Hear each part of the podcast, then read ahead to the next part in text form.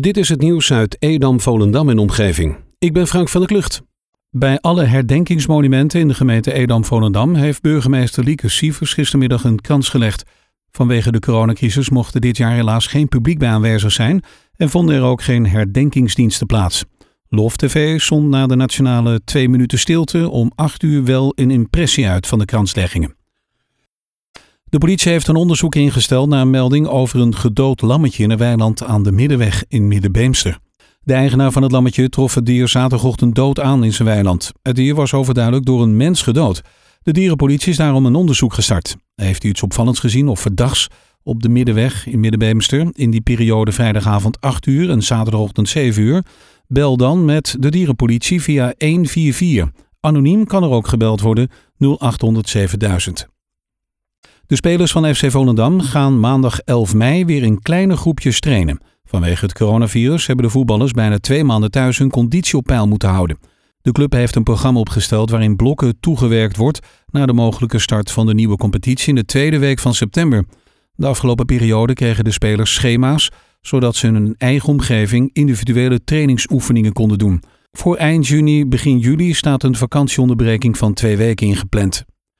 De jaarlijkse 4 mei herinneringsvluchten van de Edambusters kwam ook dit jaar in deze regio overvliegen. De Edambusters is het 1077ste squadron van Royal Air Forces Association en bestaat uit een groep Nederlandse privévliegers die met de RAF geassocieerd zijn.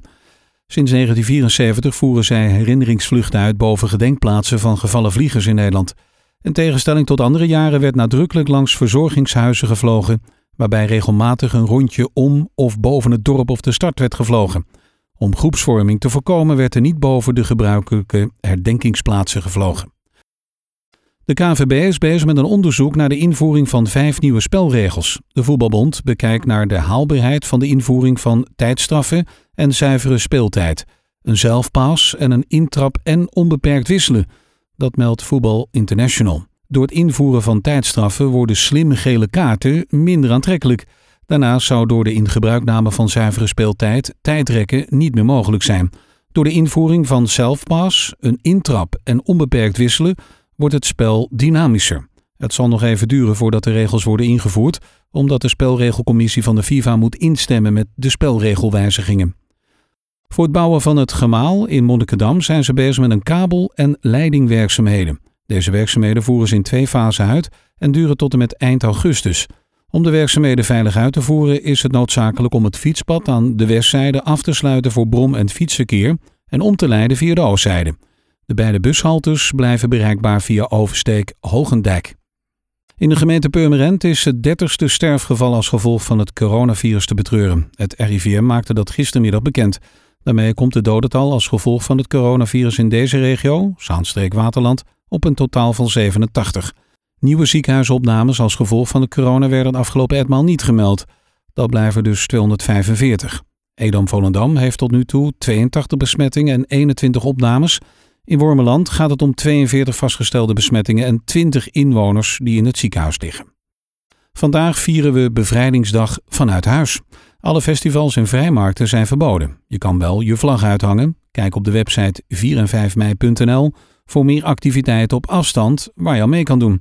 De gemeente Edam-Volendam bekijkt nog welke activiteiten die gepland stonden voor de viering van 75 jaar vrijheid later dit jaar plaats kunnen vinden. Gisterochtend heeft het historisch genootschap op het Marktplein in het centrum van Middenbeemster een herdenkingsplaket onthuld. Hierop staan de namen van tientallen slachtoffers uit de Tweede Wereldoorlog met een Beemster verleden. Vlak naast het plaket staat ook een ander herdenkingsmonument. Deze staat er sinds 1945, maar het historisch genootschap Beemster vond dat er een aanvulling op moest komen. Tot zover het nieuws uit Edam, Volendam en omgeving. Meer lokaal nieuws vindt u op de Love Kabelkrant, onze website of in de app.